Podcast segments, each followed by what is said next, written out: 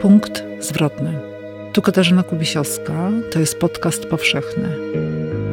Zapraszam na cykl rozmów o punktach zwrotnych w życiu i końcach, które stają się początkiem. Gościem dzisiejszego odcinka jest Stanisław Sojka.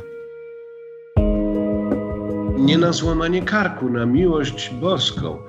Raz, że człowiek był młodszy, dwa, że no, wydawało się, że zawsze zdążę, po prostu mam dobre auto, mamy dobre, dobrych kierowców, wszystko się zgadza i będziemy na czas. Zazwyczaj byliśmy, ale czasami ledwo co, a czasami prosto z samochodu trzeba było wejść na scenę. No to był koszmar dla mnie.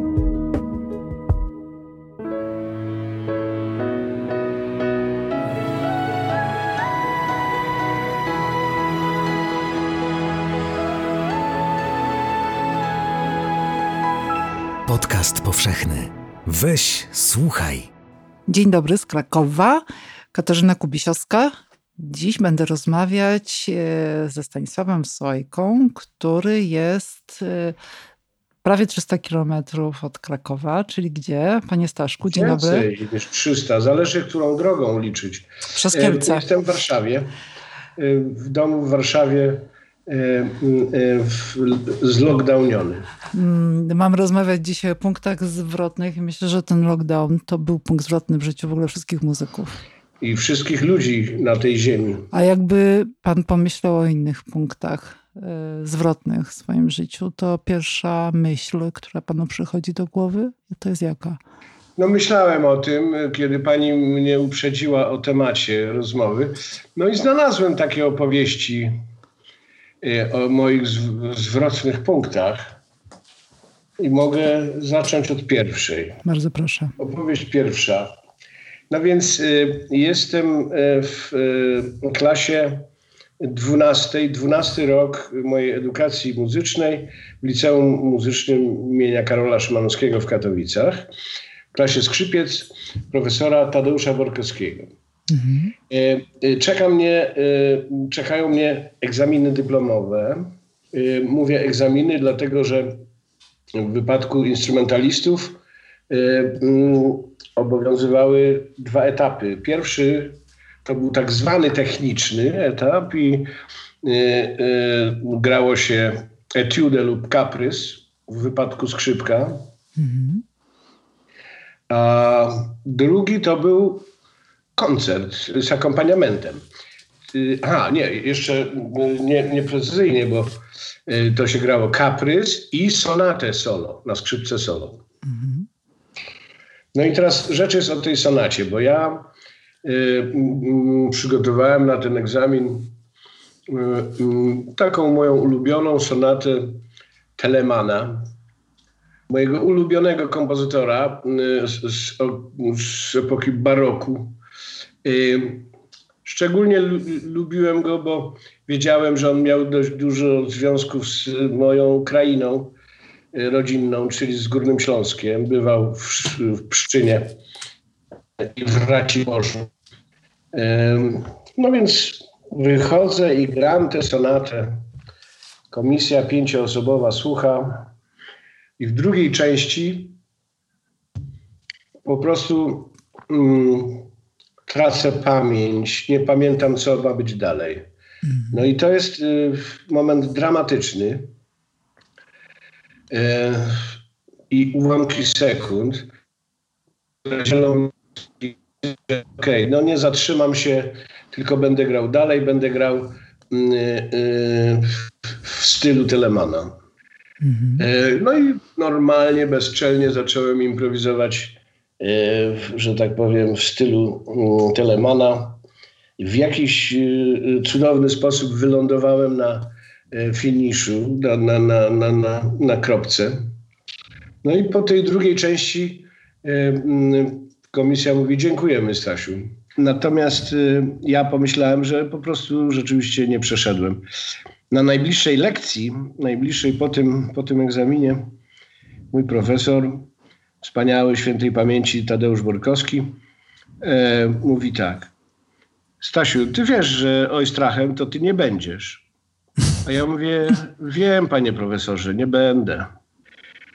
No ale słuchaj, po co ci skrzypce? Przecież ty masz talent improwizatorski.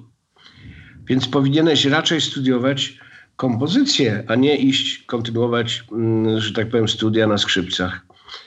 No i w ten sposób mój profesor od skrzypiec mhm. po prostu przekierował mnie w zupełnie inną stronę. E, mm, zacząłem studiować na piątym Wydziale Muzyki Jazzowej i Rozrywkowej, aranżację i kompozycję. E, ukończyłem te studia, no i już wówczas zacząłem, zacząłem komponować muzykę i w ogóle zaczęła się moja droga, mhm. że tak powiem, e, piosenkopisarza. O, tak bym mhm. to nazwał. No i uważam, że to jest bardzo ważny moment w, w, moim życiu. Tak, ja sobie myślę, że to w ogóle pan powiedział o czymś e, szalenie istotnym, e, czyli o trochę wejściu z pułapki, czyli traci się grunt pod nogami, pamięć, e, ma się białą plamę w mózgu i nagle się z tego wychodzi i przekuwa się to w wartość, w siłę. Tak się stało, tak się stało. To oczywiście to był dramatyczny moment. Ja również pamiętam mm, te, ten, ten dramat, to znaczy, mimo że znałem tę sonatę dobrze, okazuje się, że po prostu w takim newralgicznym momencie mm, nie jestem w stanie sobie przypomnieć, y, jak się to kontynuuje. Mhm. No i podejmuję tę właśnie taką desperacką decyzję, żeby jednak nie stanąć, bo to wiedziałem, że jest bardzo ważną rzeczą, jak mhm. się jest na scenie, to nie zatrzymać się. A zdarzyło się panu później jeszcze? Zdarzyła się taka sytuacja? Nie, to się już nigdy nie zdarzyło. I e, muszę powiedzieć, że oczywiście nie zdarzyło się też być może dlatego, że ja zacząłem, mm, zacząłem działać w, jako muzyk jazzowy Między innymi dlatego, że to jest muzyka, muzyka jazzowa to jest muzyka improwizowana, w dużej mierze oparta na improwizacji. Mhm. Więc y, tam błędy bywają y, y, inspirujące i stosunkowo często się przekuwa jakieś błędy na wartości. Także mhm. no, rzeczywiście coś w rodzaju ucieczki mhm. w stronę, e, w, w, której, w której pamięć niekoniecznie e, jest niezbędna. Ale zanim jeszcze przejdziemy do kolejnego, pan przejdzie do kolejnego punktu zwrotnego, to mnie interesuje to, czy yy, trema, przypuszczam, że na początku, zanim się wyjdzie po raz pierwszy yy, na, na scenę, yy, czy ona się wzmacnia z latami? Czy ona maleje? Czy ona jest taka sama? Po pierwsze, y, y, w, w systemie naszym edukacji muzycznej jakby rutyną jest, że uczniowie od najmłodszych lat występują na scenie dwa razy w roku, mhm. wychodzą na scenę grać coś, co najlepiej potrafią. To nie jest egzamin, tylko tak zwany popis. Mhm. E, I to e, działo się dwa razy w roku, więc mm, człowiek się ubierał uroczyście, no i przygotowywał do tego i w końcu wychodził na tę scenę mm, i z nią, y, że tak powiem, się zaprzyjaźniał i z tą całą sytuacją. E, później, już jako dorosły człowiek, zauważyłem bardzo ważną rzecz, mianowicie, że trema jest mylona y, z, ze strachem i z lękiem. Otóż trema to nie jest strach czy lęk. Trema to jest bardzo taki specyficzny rodzaj kumulowania energii.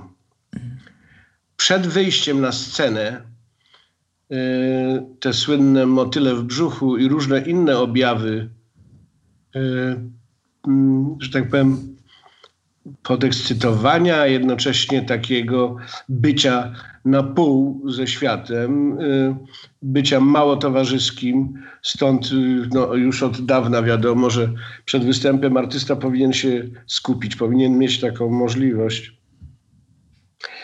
Więc z, lat, z biegiem lat to zjawisko się potęguje. trema nie jest mniejsza, tylko się zwiększa, y, pogłębia.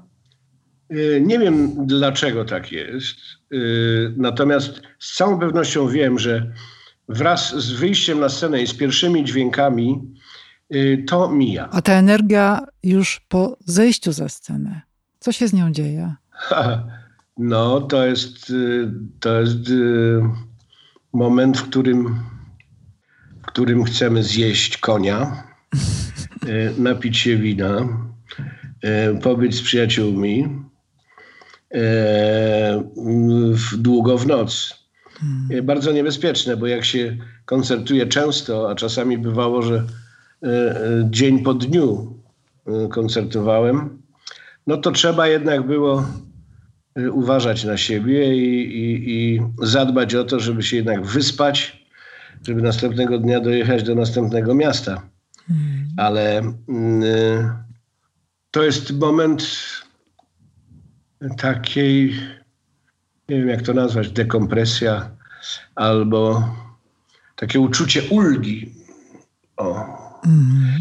Zwłaszcza wtedy, kiedy udało się zagrać tak, że publiczność, że tak powiem, zamanifestowała swój zachwyt, czy, czy jakieś, nie wiem, dała znać, że stało się dla nich coś ważnego.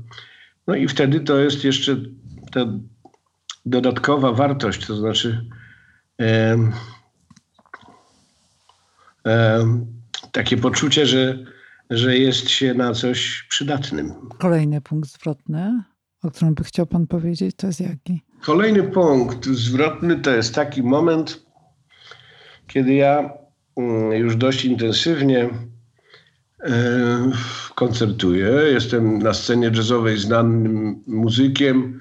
Mm, gram w Polsce, za granicą. Odwiedzam, jestem gościem różnych festiwali e, w Europie i któregoś razu, to był bodajże 84 rok, e, Byłem gościem festiwalu w Nancy we Francji. To jest bardzo jeden z najstarszych festiwali jazzowych w Europie. Jazz Pulsation. Mm. I e, byłem tam zagospodarowany jako artysta, który e, grał e, przed Rayem Charlesem.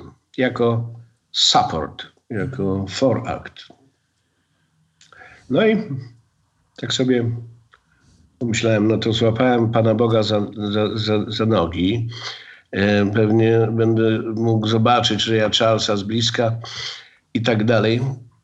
Wykonałem swój recital i w tym, w, w tym repertuarze tego recitalu były utwory Raya Charlesa. No i y, śpiewając Alleluja, I love her so, pomyślałem sobie, ta publiczność jest taka miła i taka życzliwa dla mnie. No ale za chwilę wyjdzie na tę scenę człowiek, który napisał tę piosenkę, no i w ogóle y, publiczność usłyszy y, tę muzykę z pierwszej ręki. Mhm. Y, to było bardzo takie o, o, tyle wyjątkowe, że ja zazwyczaj nic nie myślę, jak śpiewam. O, ciekawe. Tak, no, no to jest normalne, naturalne. Nie myśli się. Mhm. Myśli są wrogiem wówczas. Wówczas się człowiek znajduje w takim e, świecie osobnym i mm, to jest skupienie, koncentracja e, wyłącznie na, na, na, na, na sednie, że tak powiem. Mhm. Natomiast e, no właśnie, to było, to było dojmujące, bo ja wtedy sobie zdałem sprawę, że tak, ja nie jestem z, z, delty Mississippi. Ja po prostu nie jestem z Georgii. E, ja jestem z Gliwic. E, e, I wychowałem się w zupełnie innej tradycji, w zupełnie innych, że tak powiem, mm, w zupełnie innych modusach się mm, kształtowała moja wrażliwość E, śląska muzyka ludowa, barokowa muzyka, którą kocham zresztą do dziś.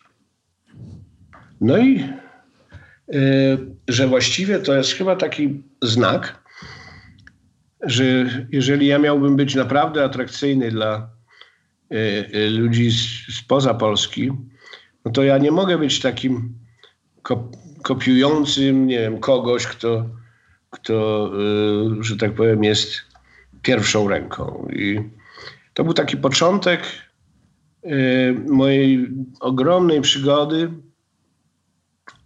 E, z pisaniem swoich piosenek. A drogą do tych moich piosenek był język polski.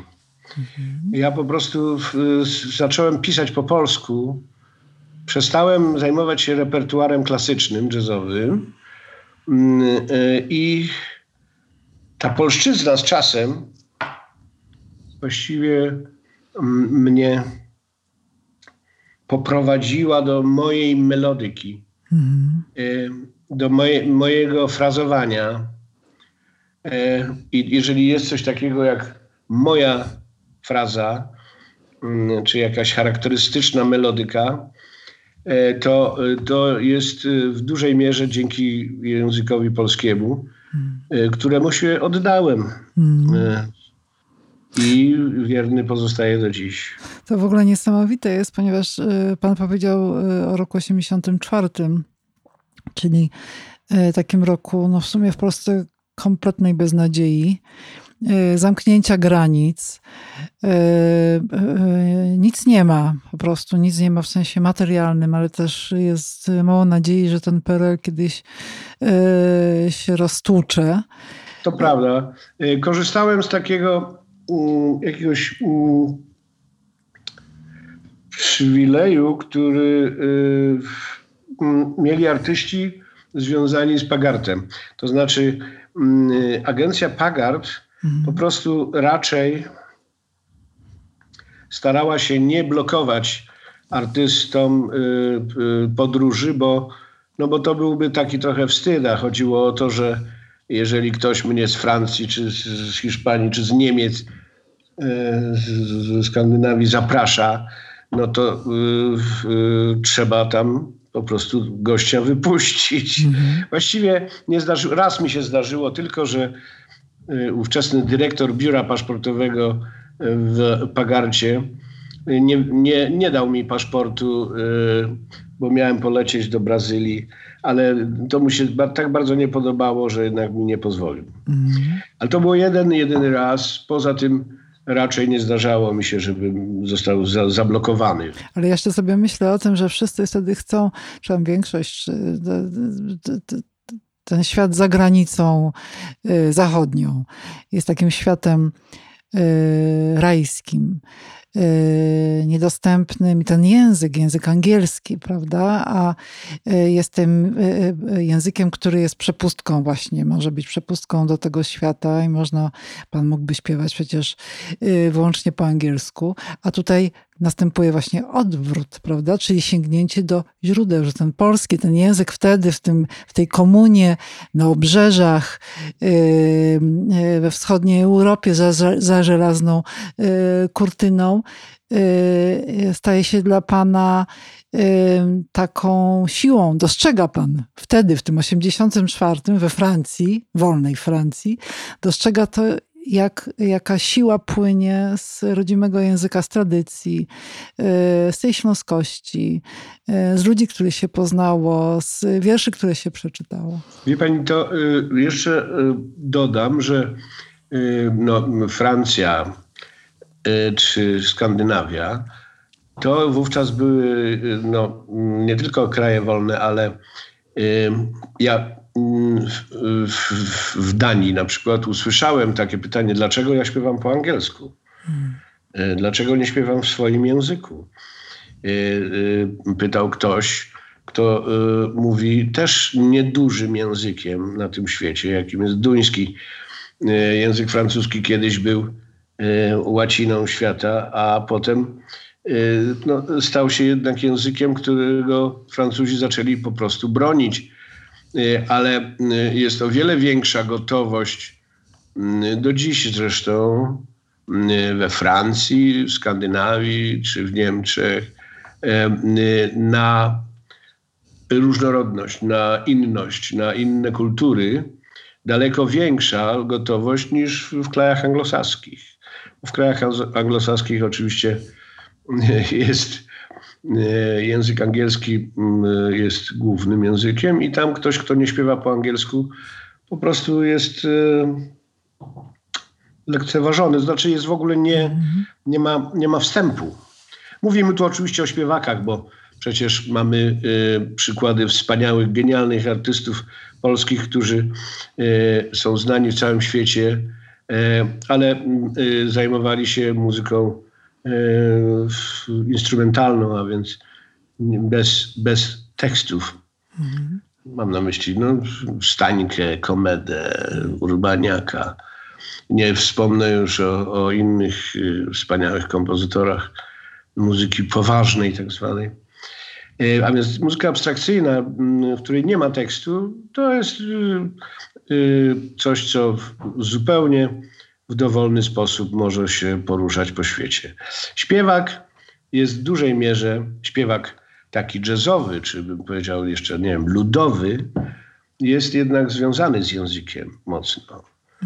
Mm. I, a ponieważ ja zawsze byłem na przykład, ja, ja bardzo lubię mm, klasycznych śpiewaków, ale ci naj, naj, tacy, których najbardziej lubię, to, to są tacy, którzy śpiewają e, w, e, w utwory w językach, w których te utwory zostały napisane. Mhm. Dlatego ja śpiewałem muzykę jazzową, klasyczną, śpiewałem w oryginale. E, natomiast oczywiście język polski pozwolił mi się skomunikować z moją publicznością, a moją mhm. publicznością jest społeczność polska. No a jakbyśmy mieli przejść do kolejnego punktu zwrotnego, to byłoby co? Gdybyśmy mieli przejść do trzeciego, trzeciego opowiadania, mhm. e, to myślę, że to jest. To się zaczęło od sonetów Szekspira w 1995 roku, ale e, to później miało swoją kontynuację. Mianowicie ja y, poczułem się z, z, no można powiedzieć nawet trochę znudzony układaniem piosenek, bo gdzieś prawdę powiedziawszy, piosenek się nie komponuje, tylko piosenki się układa. Może trochę przesadzam. Nieraz usłyszałem, że przesadzam, ale owszem, mm, można dojść do takiej wprawy, że piosenkę pisze się łatwo ale mm, mm, kiedy zetknąłem się z tryptykiem rzymskim w 2003 roku, pomyślałem, że to jest szansa na coś, co byłoby większą całością. To znaczy, co mm, byłoby zbiorem pieśni, oczywiście, ale jednak w jakiś sposób e, posiada, zbiorem posiadającym pewien mianownik, pewną, pewną konstrukcję stalową, będący pewną całością. W wypadku tryptyku trójcałością. Mhm. No i to, y, to był wielki przełom w mojej, w mojej, w mojej drodze, bo no, to trwało dłużej, po pierwsze, cały proces e, komponowania tej, tej, tej bo to już mogłem, że tak powiem, z czystym sumieniem nazwać komponowaniem. Mhm. Y, ten proces trwał y, dłużej niż kilka dni y, i przeniósł mnie na inne, na inne tory. Po pierwsze, jak długo trwał, proszę powiedzieć? Z wszystkim około pół roku. A te inne tory to są jakie? Takie w ogóle estetyczne tory? To, to są estetyczne poniekąd oczywiście, bo to, ale estetyka jednak w dużej mierze jest zależna od od treści, od e, poezji, którą się, e, którą się z, zajmuje, którą się umuzycznia. E, I e, jest bardzo ważne, żeby kompozytor e, potrafił utrzymać pewną jednorodność, żeby od początku do końca. To była budowla, która posiada wyraźną, zdefiniowaną i jakąś taką, y, no, po prostu istotną architekturę. Mhm. I to było dla mnie bardzo duże wyzwanie, bo przyzwyczajony do form, które trwają 3 do 5 minut, no po prostu targnąłem się na coś, co w efekcie e, trwa w, w tym, w tym że tak powiem, prototypowym, e, prototypowej wersji 43 minuty.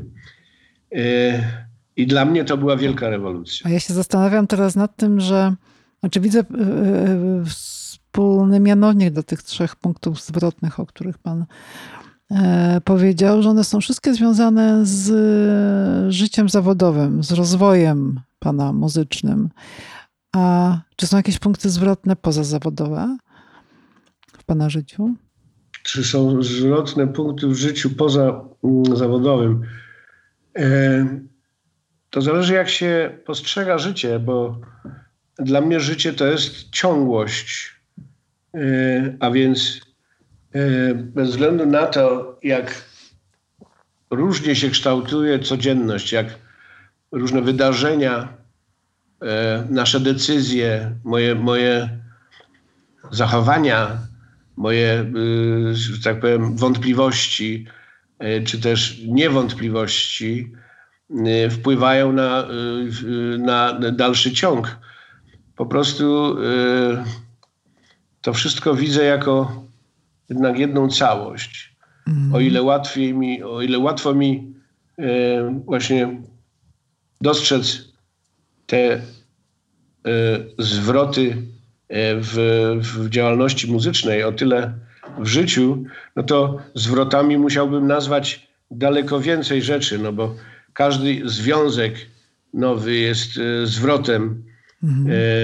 E, e, każde dziecko, które przychodzi na świat, jest właściwie zwrotem, bo to jest zupełnie inny człowiek niż do tej pory mm, znaliśmy.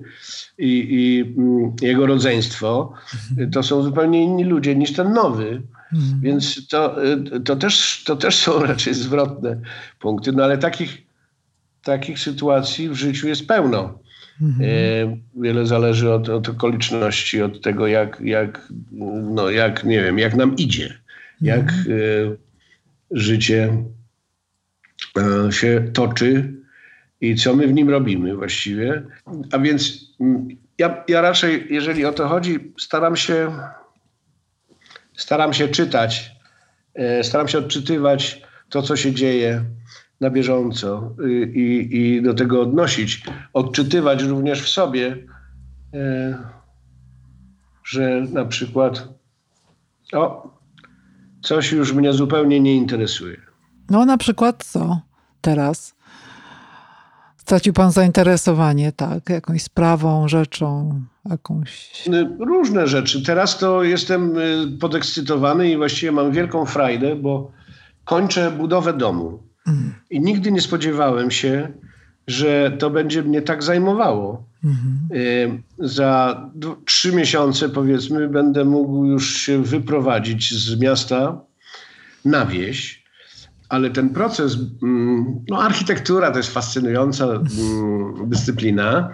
Na dodatek e, no, mam wielki wpływ na to, mhm. jak e, jak się to potoczy i jak to będzie, jak to będzie wyglądało. Owszem, projekt zrobiła wspaniała pani architekt z Krakowa zresztą, mhm. Grażynka Sychłowy, ale e, no, mm, to jeszcze nie jest skończona robota, ale e, etap, na którym teraz jesteśmy, no, to już jest taka rzecz bardzo obiecująca. Jak mówię, za 3-4 miesiące będziemy y, urządzać y, przeprowadzkę, co mnie niezwykle ekscytuje i zajmuje. Mnie jeszcze interesuje, zastanawia i prowokuje do pytania y, o punkty zwrotne, które się pojawiają z czasem, który płynie. Generalnie, czy pytanie moje brzmi tak, czy one są, im jesteśmy starsi, tym one rzadziej się pojawiają? E, Jak to jest u pana? Razu mi tak chodzi po głowie e, oczywiście piosenka, którą e, pan śpiewał i śpiewała też e, oczywiście Grażyna Łobaszewska. Czas nas mhm. uczy pogody, to prawda, to prawda. E, po prostu człowiek, ja, bo, bo nie wiem jak to z człowiekiem e, w, w, generalnym sensie, ale ja e, zdecydowanie czuję się spokojniejszy, mniej narwany. Y, bardziej wy, y, wyrozumiały y, dla, dla bliźnich i e, zaczynam doceniać, co jest zupełną nowością w moim życiu. Mianowicie e, zaczynam się ćwiczyć w nieśpieszności. Mhm. Znaczy, zdałem sobie sprawę w pewnym momencie, nie wiem, jakiś czas temu, kilka lat temu, że że jeżeli jest coś, czego naprawdę nienawidzę w życiu, to się spieszyć. Mhm. Jak się pan w tym ćwiczy? Proszę podać przykład. O, to jest bardzo wiele różnych, że tak powiem, działań. Jak gramy koncert jutro, to jedziemy dzisiaj. Mhm. Nie na złamanie karku. Tylko... Nie na złamanie karku, na miłość boską.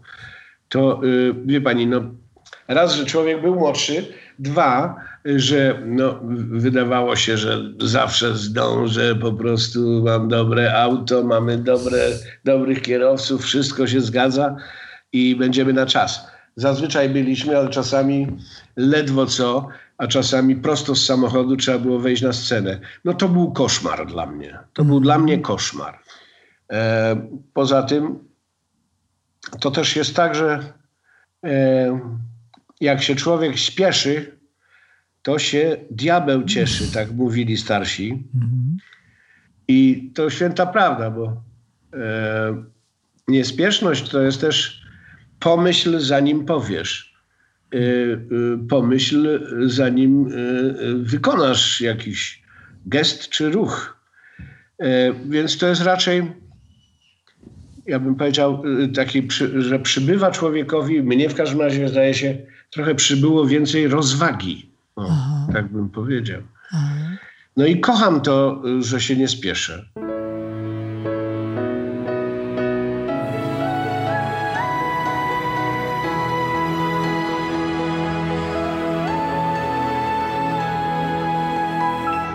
Podcast powszechny. Weź, słuchaj. Jeśli słuchają nas Państwo w Spotify albo w Apple Podcast, zasubskrybujcie nasz kanał. Jesteśmy też w Google Podcast i w aplikacji Lekton oraz na www.tygodnikpowszechny.pl/podcast. Współwydawcą podcastu powszechnego jest Fundacja Tygodnika Powszechnego.